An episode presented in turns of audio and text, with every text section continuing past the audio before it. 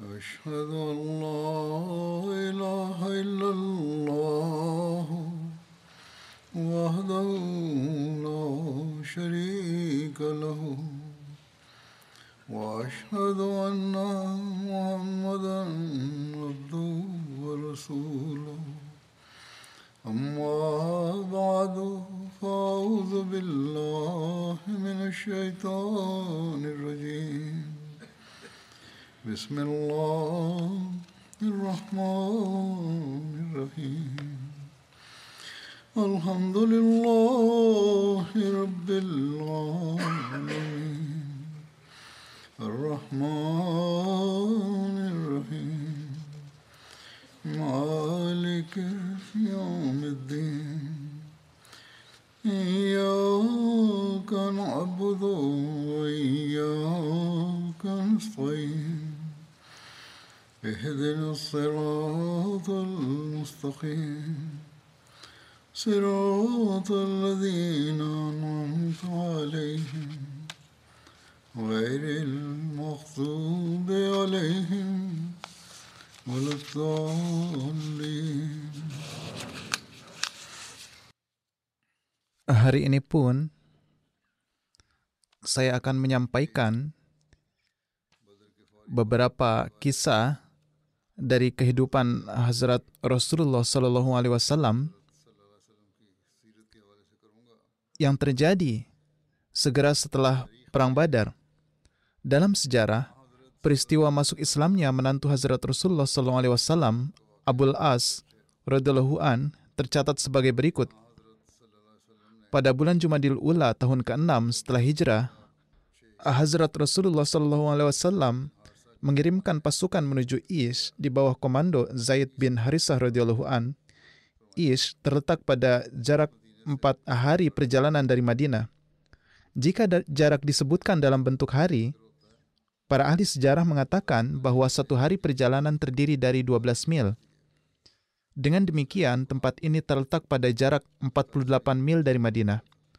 Beberapa rincian pengiriman pasukan ini adalah sebagai berikut. Pada bulan Jumadil Ula tahun ke-6 setelah hijrah, Rasulullah SAW mengirimkan kafilah terdiri dari 70 sahabat di bawah komando Hazrat Zaid bin Harisah dari Madinah.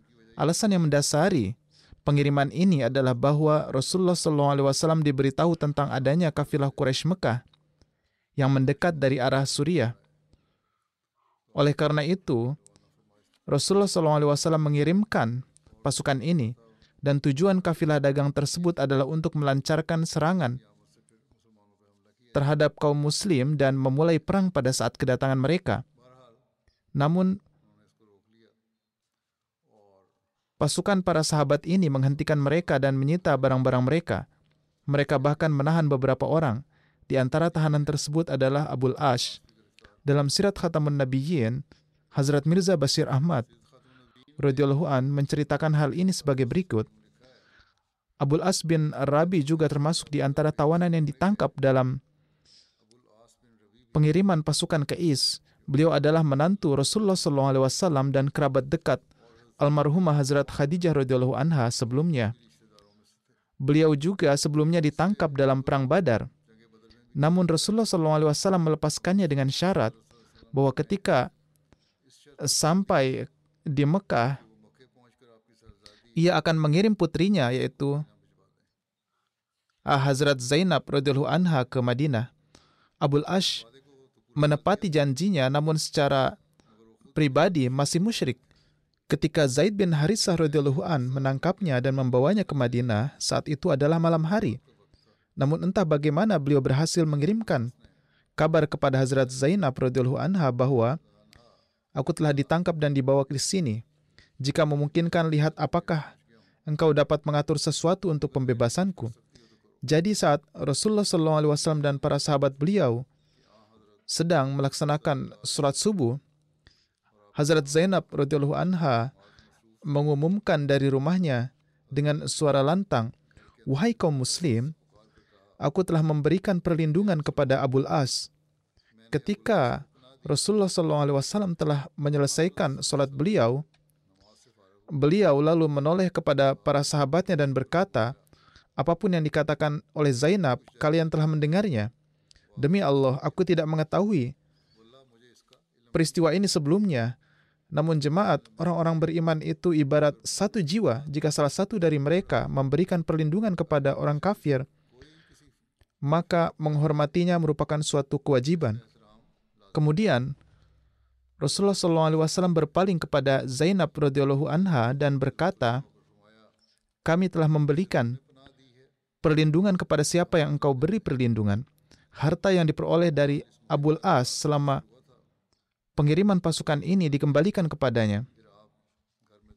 Kemudian Rasulullah SAW memasuki rumah Zainab radhiyallahu anha dan berkata kepada putrinya, "Bersikaplah ramah kepada Abul As, tapi jangan bertemu dengannya di tempat terpencil. Dalam kondisi sekarang tidak dibenarkan bagimu untuk bertemu dengannya."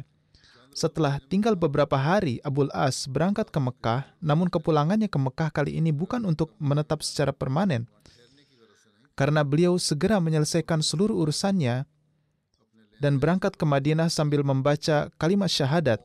Dan setelah sampai kepada Rasulullah SAW, beliau menjadi seorang Muslim. Rasulullah SAW mengirim Hazrat Zainab radhiyallahu anha kepadanya tanpa pernikahan ulang. Dalam riwayat-riwayat tertentu juga disebutkan bahwa pernikahan Hazrat Zainab radhiyallahu anha dan Abul As radhiyallahu anhu dilakukan kembali, namun riwayat pertama lebih dapat dipercaya dan sahih. Dari sini kita juga mendapatkan fatwa bahwa jika seorang wanita ingin berpisah karena kekafiran suaminya, maka tidak perlu lagi menikah ulang setelah suaminya beriman. Hazrat Zainab radhiyallahu anha tidak hidup lama setelah suaminya masuk Islam. Dan Beliau meninggal dunia pada tahun ke-8 setelah hijrah. Hazrat Ummu Aiman, Hazrat Sauda, Hazrat Ummu Salamah, dan Hazrat Ummu Atiyah radhiyallahu anhunna memandikan jenazah beliau sesuai dengan petunjuk Nabi sallallahu alaihi wasallam. Hazrat Ummu Atiyah meriwayatkan bahwa ketika Nabi sallallahu alaihi wasallam memerintahkan mereka untuk memandikan jenazah putrinya, beliau sallallahu alaihi wasallam bersabda, mulailah membasuhnya dari sisi kanan tubuhnya dan dari bagian-bagian anggota tubuh yang biasa dibasuh pada saat berwudu. Dalam riwayat lain rinciannya ditemukan sebagai berikut. Hazrat Ummu Atiyah meriwayatkan bahwa ketika putri Nabi Zainab radhiyallahu anha wafat, Rasulullah SAW bersabda kepada kami, basuhlah tubuhnya dengan hitungan ganjil, yaitu tiga atau lima kali, dan oleskan kapur baru setelah pembasuhan dan beri tahu aku setelah kalian selesai memandikannya. Beliau meriwayatkan, kami memberitahu Nabi SAW dan beliau SAW memberikan kepada kami izar beliau SAW dan menyuruh kami menggunakannya sebagai syiar. Beliau SAW memberi kami kain yang biasa dililitkan di punggung atau izar dan syiar adalah kain yang dipakaikan di badan. Setelah itu, Nabi SAW memimpin surat jenazah lalu beliau SAW masuk ke dalam kubur dan menguburkan putrinya. Hazrat Zainab meninggalkan dua anak, Ali dan Umamah. Menurut salah satu riwayat, Ali meninggal pada masa kecilnya, sedangkan menurut riwayat lain, ia mencapai usia dewasa. Ibnu Asakir telah menulis bahwa beliau syahid pada pertempuran Yarmuk. Saat penaklukan Mekah, beliau menunggang kuda di belakang Nabi SAW. Sehubungan dengan Hazrat Ummu Umamah diriwayatkan bahwa setelah meninggalnya Hazrat Fatimah, Hazrat Ali radhiyallahu an menikah dengan beliau. Bisnis perdagangan Hazrat Abul As radhiyallahu an semuanya berada di Mekah. Oleh karena itu beliau tidak bisa tinggal di Madinah. Maka setelah menerima Islam, beliau meminta izin kepada Rasulullah SAW dan kembali ke Mekah. Karena bertempat tinggal di Mekah, beliau tidak berkesempatan ikut serta dalam gazwah atau pertempuran apa pun kecuali pertempuran yang dikirim pada tahun 10 Hijriah di bawah pimpinan Hazrat Ali radhiyallahu an. Sekembalinya dari Yaman, Hazrat Ali radhiyallahu an mengangkat beliau sebagai gubernur Yaman. Setelah wafatnya Hazrat Zainab, Hazrat Abul As tidak berumur panjang dan meninggal dunia pada tahun 12 Hijriah. Hazrat Mirza Basir Ahmad menulis berkenaan dengan Hazrat Abul As dan bagaimana Rasulullah SAW rida kepadanya sebagai berikut. Menantu Rasulullah SAW, Abul As bin Rabi radhiyallahu an adalah kerabat dekat Hazrat Khadijah radhiyallahu anha, yaitu keponakannya. Meskipun seorang musyrik, namun perlakuan beliau terhadap istrinya sangat baik. Dan setelah beliau menjadi muslim, hubungan suami istri juga tetap harmonis. Oleh karena itu, Rasulullah SAW sering memuji Hazrat Abul As radhiyallahu an dalam hal ini dengan mengatakan bahwa beliau telah memperlakukan putrinya dengan baik. Hazrat Abul As wafat di masa uh, khilafat Hazrat Abu Bakar radhiyallahu an pada tahun 12 Hijriah. Istri beliau Hazrat Zainab wafat di masa hidup Rasulullah SAW. Pernyataan sebelumnya tentang pengangkatan Hazrat Ali sebagai gubernur nampaknya sedikit meragukan. Putri Hazrat Zainab, Umamah yang sangat disayangi Rasulullah SAW, menikah dengan Hazrat Ali setelah wafatnya Hazrat Fatimah radhiyallahu anha, namun tidak memiliki keturunan. Kemudian berkenaan dengan Gazwah atau Perang Sawik, yang terjadi pada bulan Zulhijjah 2 Hijriah, penyebab terjadinya perang Sawik adalah ketika kaum musyrik kembali ke Mekah dalam keadaan kalah dan berduka, Abu Sufyan bersumpah tidak mengizinkan membasuh dirinya dengan minyak dan bersumpah tidak akan mandi hingga ia membalas dendam atas apa yang terjadi di Badar, yaitu ia akan melawan Rasulullah SAW dan para sahabat beliau. Menurut riwayat, Abu Sufyan berangkat dengan 200 prajurit berkuda, sedangkan menurut riwayat lain, ia berangkat dengan 40 prajurit berkuda untuk menunaikan janjinya. Ia tidak mengambil jalur bi biasa menuju Madinah, melainkan menempuh jalur ke arah Najd.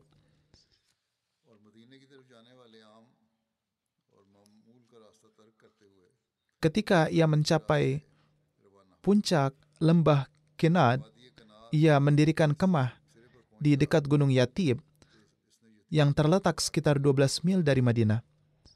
Kinad adalah salah satu dari tiga lembah terkenal di Madinah yang terletak di antara Madinah dan Uhud. Ia berangkat pada malam hari dan sampai di suku Banu Nazir di kegelapan malam. Setelah sampai di rumah Huyai bin Akhtab, ia mengetuk pintu. Namun Huyai enggan membuka pintunya Abu Sufyan kemudian menemui Salam bin Maskam yang saat itu menjabat sebagai pembesar dan bendahara suku Banu Nazir. Abu Sufyan meminta izin untuk masuk dan ia pun mengabulkannya. Ia bahkan menjamunya dan menyediakan makanan dan minuman. Ia lantas menyebutkan semua hal-hal rahasia kaum muslim Madinah dan Rasulullah SAW. Artinya ia memberitahu Abu Sufyan tentang kegiatan rutin yang beliau lakukan dan di mana beliau berada pada waktu tertentu. Kemudian Abu Sufyan berangkat dari sana pada penghujung malam dan kembali ke pasukannya. Ia kemudian mengutus beberapa orang Quraisy ke suatu tempat bernama Arid di pinggiran Madinah. Arid adalah kebun kurma yang terletak tiga mil dari Madinah. Orang-orang kafir Quraisy membakar beberapa kebun kurma di sana dan membunuh seorang pria Ansari beserta pelayannya.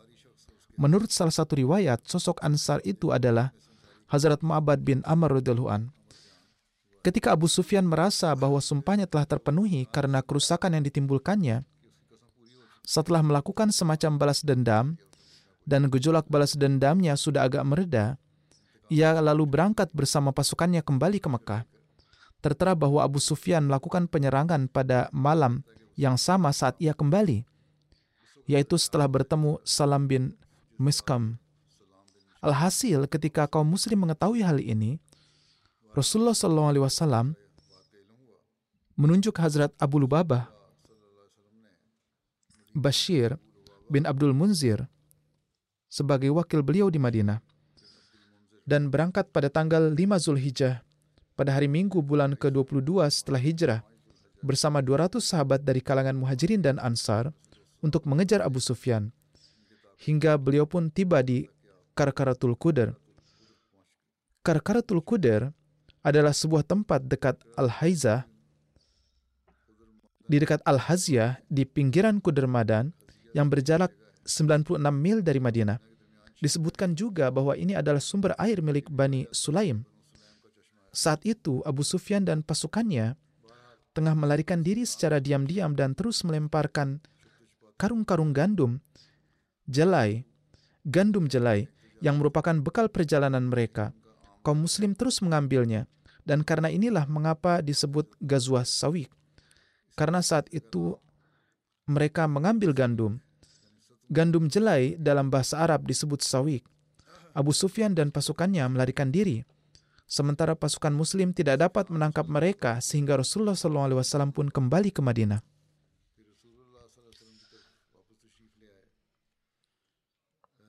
Ketika para sahabat di Madinah menemui Rasulullah SAW, mereka bertanya, Wahai Rasulullah, apakah menurut engkau ini adalah pertempuran bagi kami?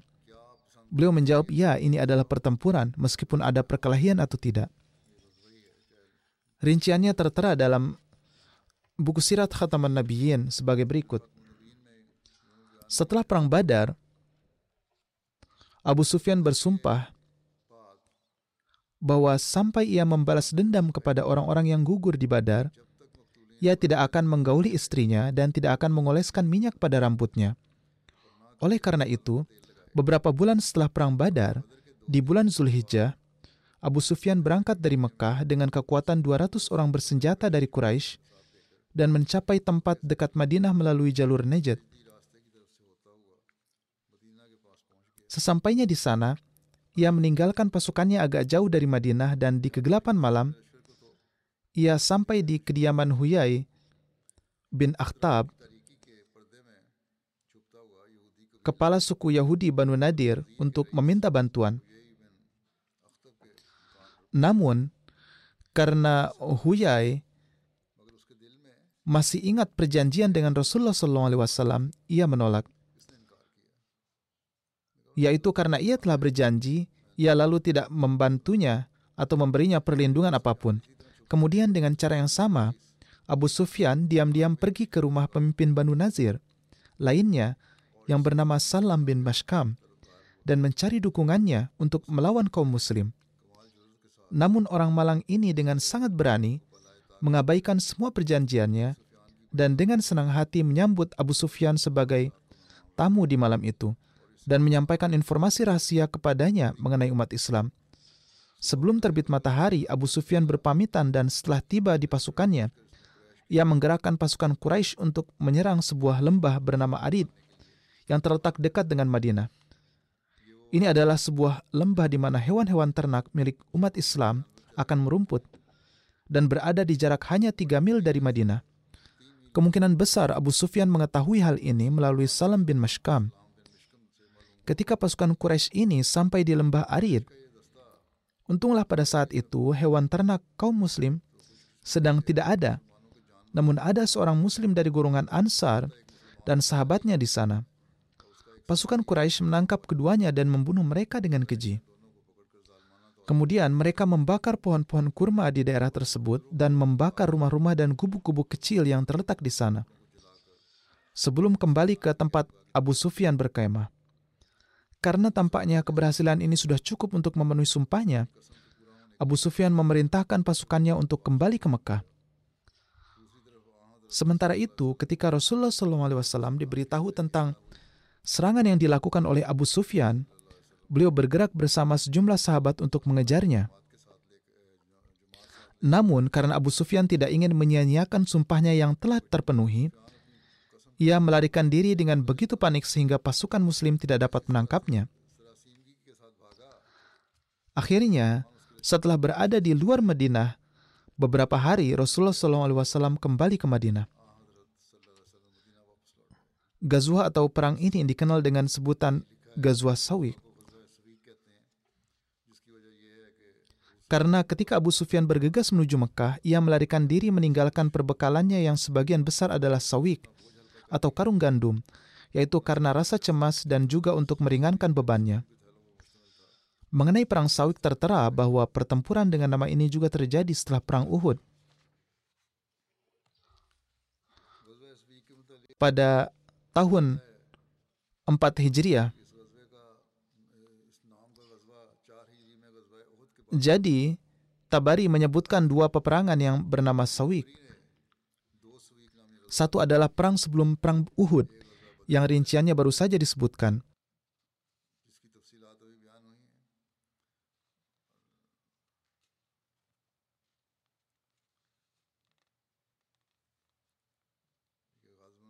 Dan perang kedua adalah terjadi setelah perang Uhud.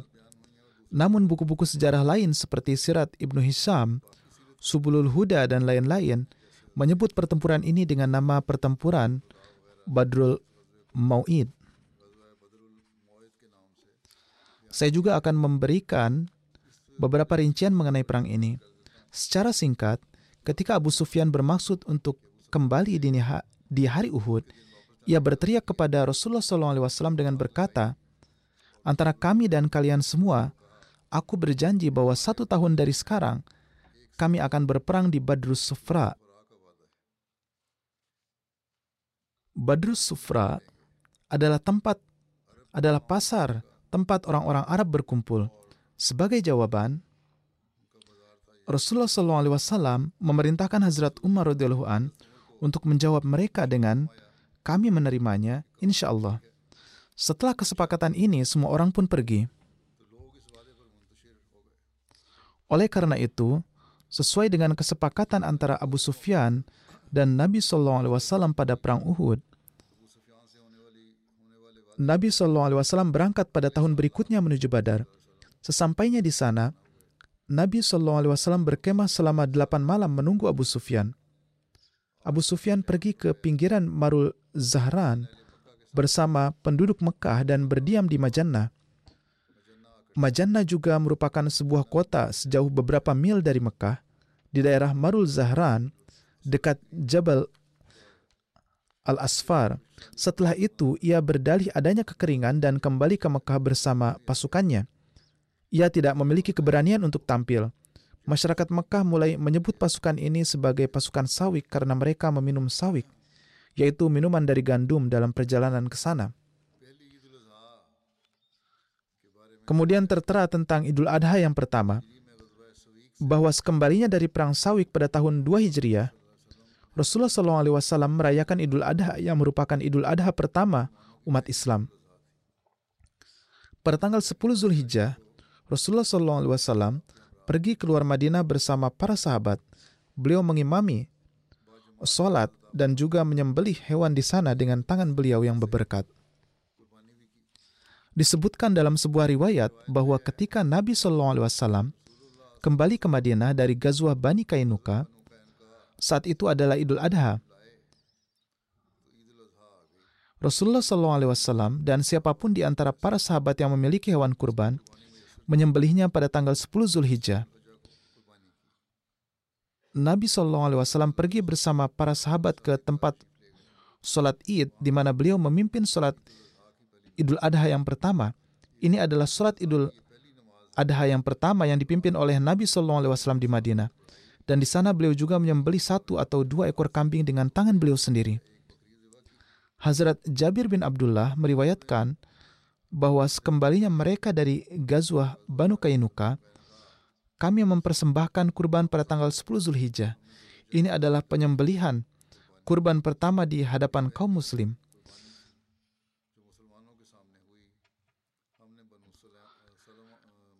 Kami menyembelih hewan kurban di daerah Banu Salama dan saya menghitung jumlah hewan kurban.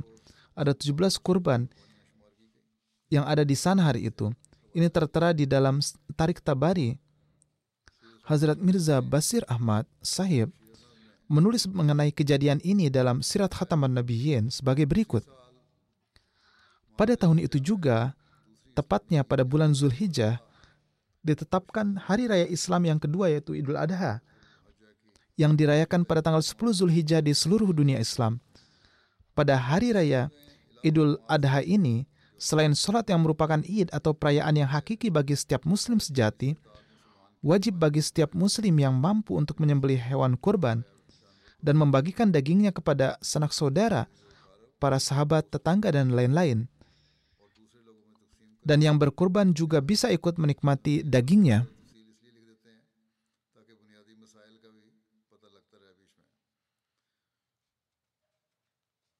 Dengan demikian, pada hari Idul Adha dan dua hari setelahnya, ratusan ribu bahkan jutaan hewan disembelih demi Allah di seluruh dunia Islam.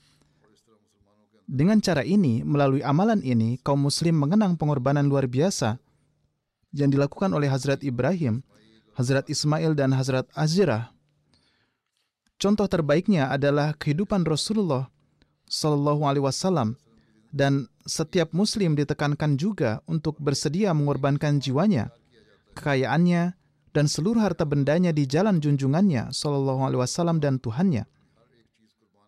Seperti halnya Idul Fitri, Id ini juga dirayakan setelah selesainya ibadah besar Islam, dan ibadah itu adalah haji. Pernikahan Hazrat Ali dengan Hazrat Fatimah radhiyallahu anha pun terjadi pada tahun 2 Hijriah.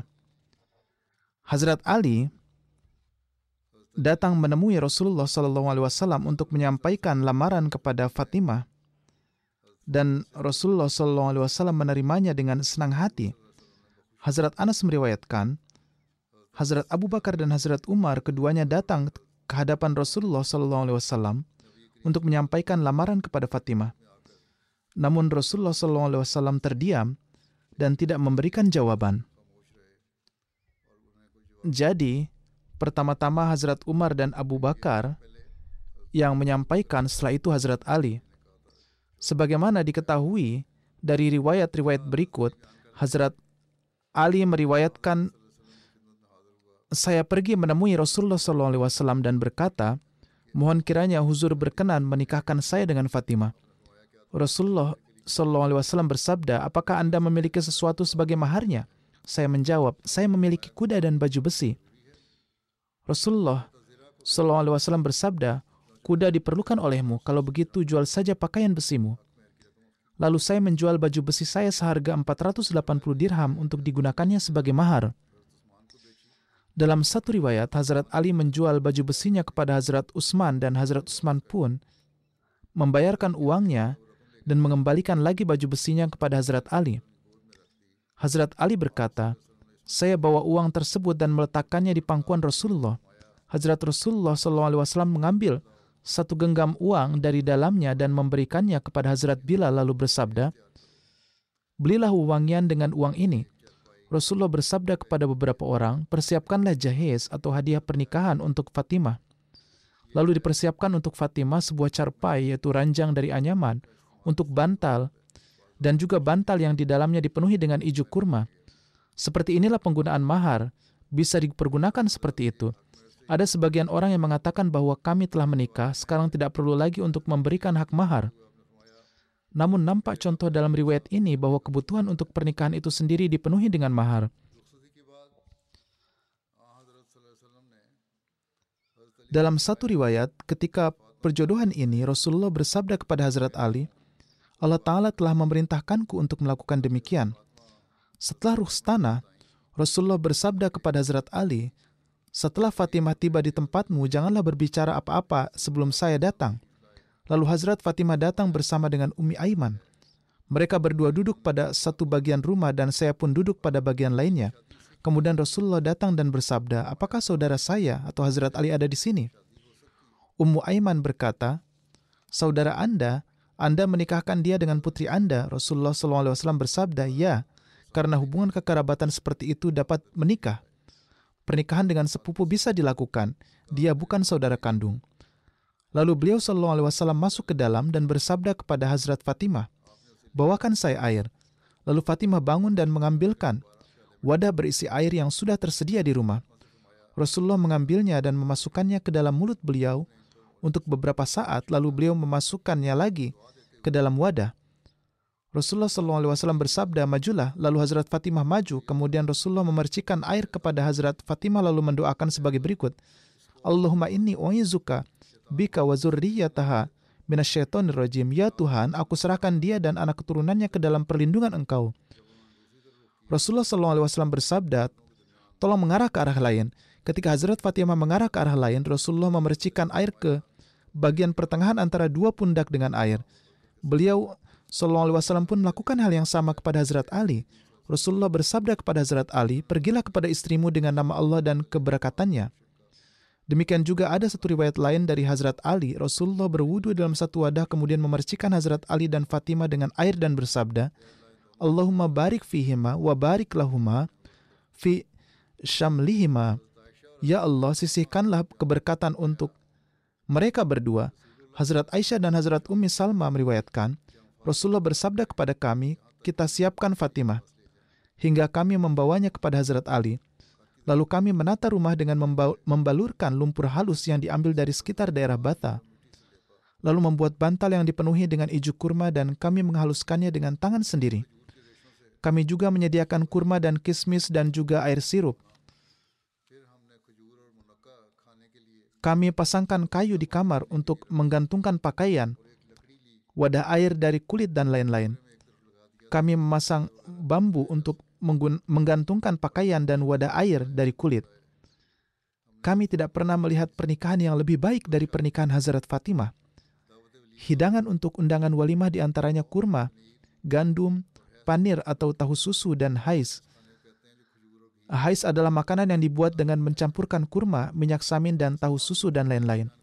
Hazrat Asma binti Umais meriwayatkan, di zaman ini tidak ada walimah yang lebih baik dari undangan walimah ini. Inilah pesta pernikahan dan walimah yang memberikan contoh kesederhanaan. Penjelasan rinci berkenaan dengan pernikahan Hazrat Fatimah dan Hazrat Ali tertulis sebagai berikut dalam buku Sirat Hataman Nabiyyin. Saya sampaikan di sini karena ada beberapa perkara tambahan dalam beberapa hal, untuk itu perlu untuk disampaikan. Hazrat Fatimah adalah putri bungsu yang lahir dari rahim Hazrat Khadijah Di antara putra-putri beliau, Hazrat Fatimah adalah paling dicintai oleh Rasulullah Shallallahu Alaihi Wasallam.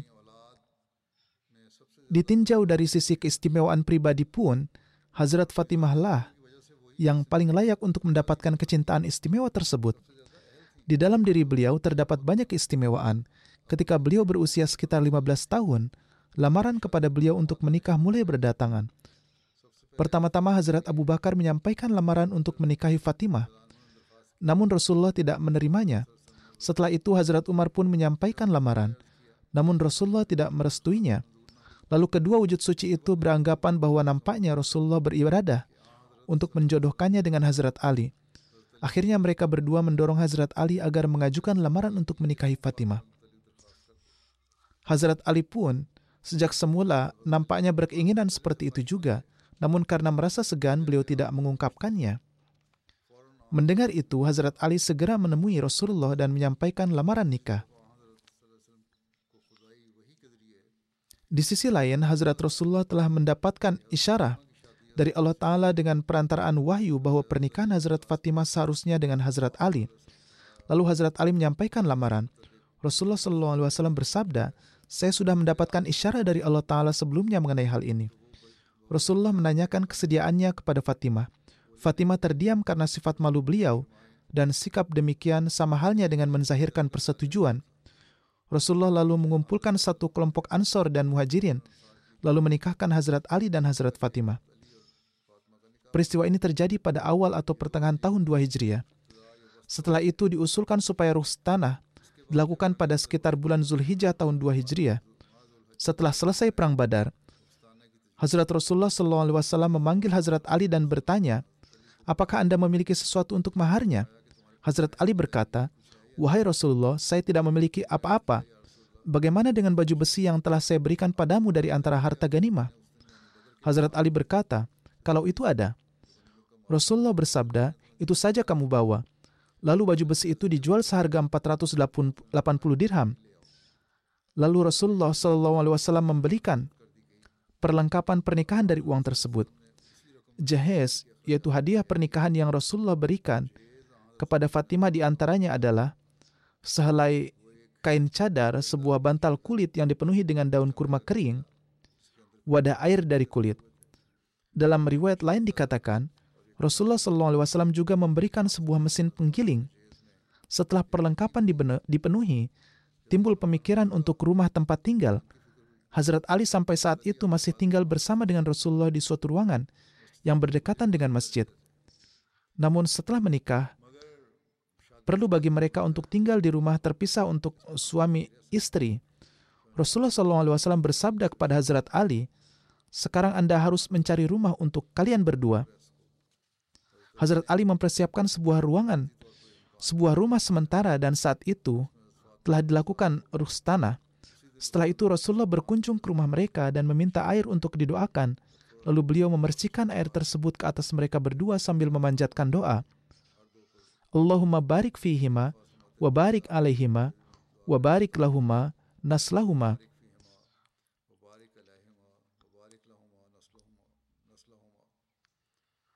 Doa ini perlu untuk dipanjatkan oleh para orang tua untuk anak-anaknya yang tengah menikah.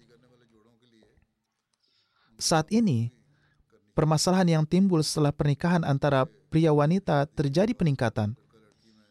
Dan yang menjadi pemicunya hanyalah hawa nafsu duniawi dan sudah sangat berlebihan. Sementara perhatian untuk agama dan hukum-hukum Tuhan semakin kurang jika agama diutamakan dan memanjatkan doa seperti itu, dan orang tua pun hendaknya menampilkan sikap yang seperti contoh itu. Jika demikian, maka hubungan pernikahan akan dapat bertahan Arti dari doa tersebut adalah, Wahai Tuhanku, berkatilah jalinan antara mereka berdua dan curahkanlah keberkatan dalam hubungan seseorang yang terjalin dengan orang lain dan berkati jugalah anak keturunan mereka. Lalu beliau Shallallahu Alaihi Wasallam meninggalkan pasangan tersebut dan kembali pulang. Setelah itu, suatu hari Rasulullah Shallallahu Alaihi Wasallam berkunjung lagi ke rumah Fatimah. Hazrat Fatimah berkata, Harisa bin Nu'man memiliki beberapa rumah. Mohon Anda meminta beliau untuk mau mengosongkan salah satunya. Rasulullah SAW bersabda, ia telah beberapa kali mengosongkan rumahnya demi kita sebelum ini. Sekarang saya merasa malu untuk memintakannya lagi. Hal tersebut sampai ke telinga Hazrat Harisa. Lalu beliau bergegas datang menemui Rasulullah SAW dan berkata, Wahai Rasulullah, apa pun yang saya miliki itu adalah milik engkau. Demi Tuhan, apa pun yang Tuhan terima dari saya lebih membahagiakan bagi saya daripada apa-apa yang ada pada saya. Lalu sahabat mukhlis tersebut mengosongkan salah satu rumahnya dan memelas meminta supaya Rasulullah berkenan menerimanya. Kemudian Hazrat Ali dan Hazrat Fatimah pindah ke rumah tersebut. Meskipun melalui hidup dengan kesederhanaan dan kekurangan, namun Hazrat Ali dan Hazrat Fatimah memperlihatkan contoh teladan dalam sifat zuhud dan kana'ah. Sebagaimana diriwayatkan dalam hadis, Hazrat Ali meriwayatkan, Hazrat Fatimah mengeluhkan sakitnya tangan beliau ketika menggiling gandum. Pada saat itu, Hazrat Rasulullah SAW menerima beberapa hamba sahaya. Mendengar hal itu, Fatimah datang menemui Rasulullah SAW, namun beliau tidak ada di rumah. Hazrat Fatimah menemui Hazrat Aisyah untuk mengabarkan tujuan kedatangannya. Setelah Rasulullah SAW datang, Aisyah mengabarkan tujuan kedatangan Fatimah kepada beliau SAW. Hazrat Ali menuturkan, setelah itu Rasulullah datang berkunjung ke rumah kami. Saat itu kami tengah berbaling di atas tempat tidur.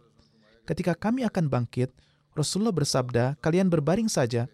Lalu Rasulullah duduk di antara kami hingga saya dapat merasakan dinginnya kaki beliau di dada saya.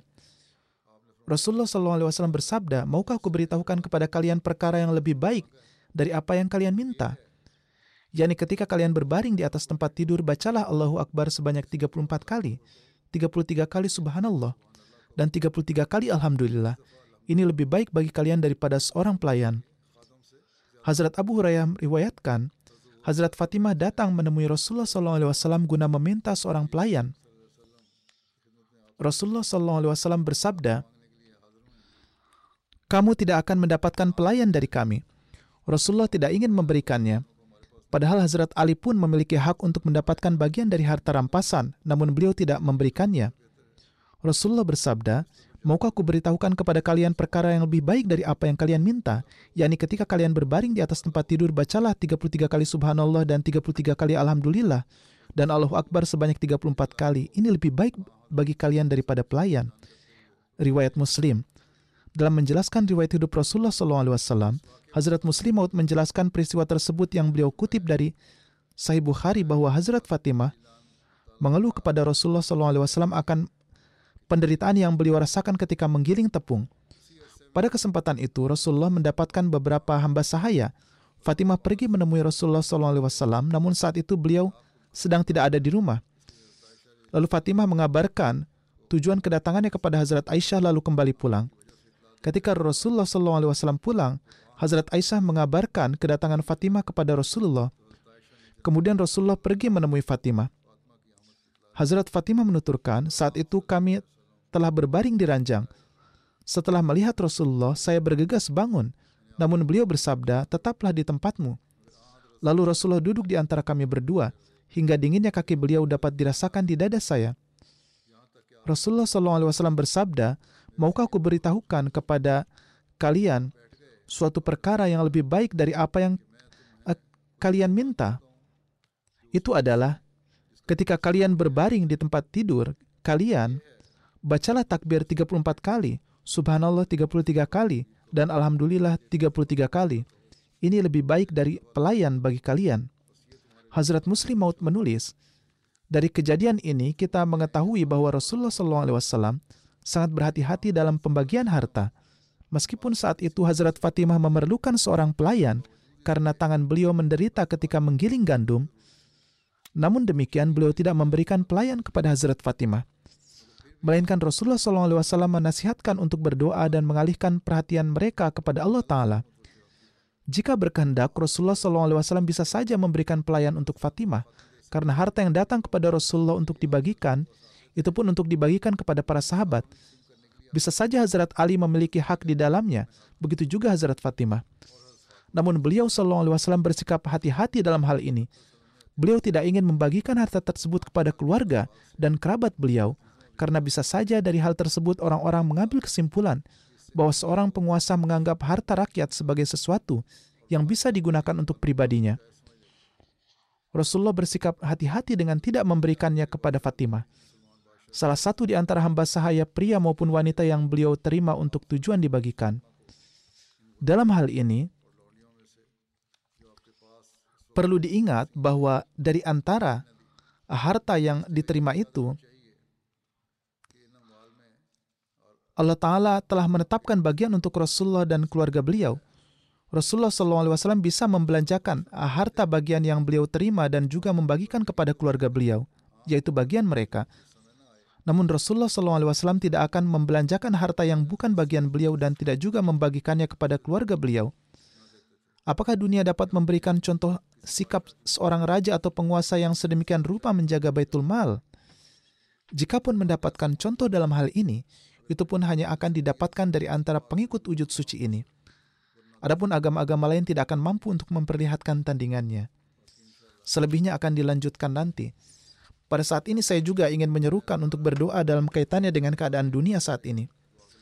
Sekarang beberapa penulis di dunia barat dan juga di Amerika telah menulis di surat kabar bahwa balas dendam pun harus dibatasi dan bahwa Amerika Serikat dan negara-negara barat harus memainkan peran mereka dalam konflik yang terjadi antara Hamas dan Israel dan berupaya untuk menegakkan perdamaian dan gencatan senjata. Para penulis juga menulis bahwa namun tampaknya orang-orang ini cenderung mengorbankan api peperangan alih-alih menghentikannya Demikian pula, kemarin ada berita di Amerika Serikat bahwa seorang pejabat senior Kementerian Luar Negeri mengundurkan diri dengan alasan bahwa ini sudah mencapai titik ekstrim dan terlalu banyak kekejaman yang dilakukan terhadap banyak warga Palestina yang tidak bersalah dan negara-negara besar perlu mengambil tindakan. Oleh karena itu, ini menunjukkan bahwa ada juga orang-orang yang baik hati di antara mereka. Demikian pula, kadang-kadang muncul di media bahwa bahkan para rabi Yahudi berbicara mendukung mereka dan menentang ketidakadilan. Menteri Luar Negeri Rusia juga telah menyatakan bahwa jika negara-negara ini terus berperilaku sama, perang ini akan menyebar ke seluruh kawasan. Tapi menurut saya akan menyebar ke seluruh dunia. Oleh karena itu orang-orang ini harus sadar. Begitu pula negara-negara muslim, seperti yang saya sampaikan sebelumnya, harus bersatu dan berbicara dengan satu suara. Jika 53 negara di dunia yang dikatakan muslim berbicara dengan satu suara, maka itu akan menjadi kekuatan besar dan akan berpengaruh. Jika tidak, maka satu suara saja tidak akan berpengaruh apa pun. Dan ini adalah salah satu cara untuk membangun perdamaian di dunia dan untuk mengakhiri perang ini. Jadi, negara-negara Muslim harus berusaha semaksimal mungkin untuk memainkan perannya untuk menyelamatkan dunia dari kehancuran. Semoga Allah Ta'ala memberi mereka taufik, tapi bagaimanapun, kita harus menekankan pada doa. Semoga Allah Ta'ala mengakhiri perang ini dan melindungi rakyat Palestina yang tidak bersalah dan tertindas agar tidak tertindas lagi dan memberantas ketidakadilan dari dunia di mana pun itu berada.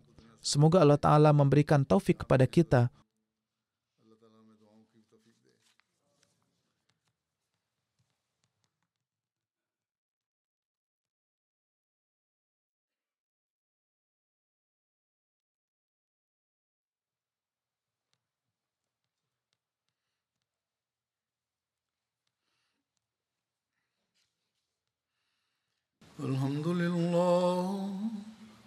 الحمد لله نحمده ونستعينه ونستغفره ونؤمن به ونتوكل عليه ونعوذ بالله من شرور أنفسنا ومن سيئات أعمالنا.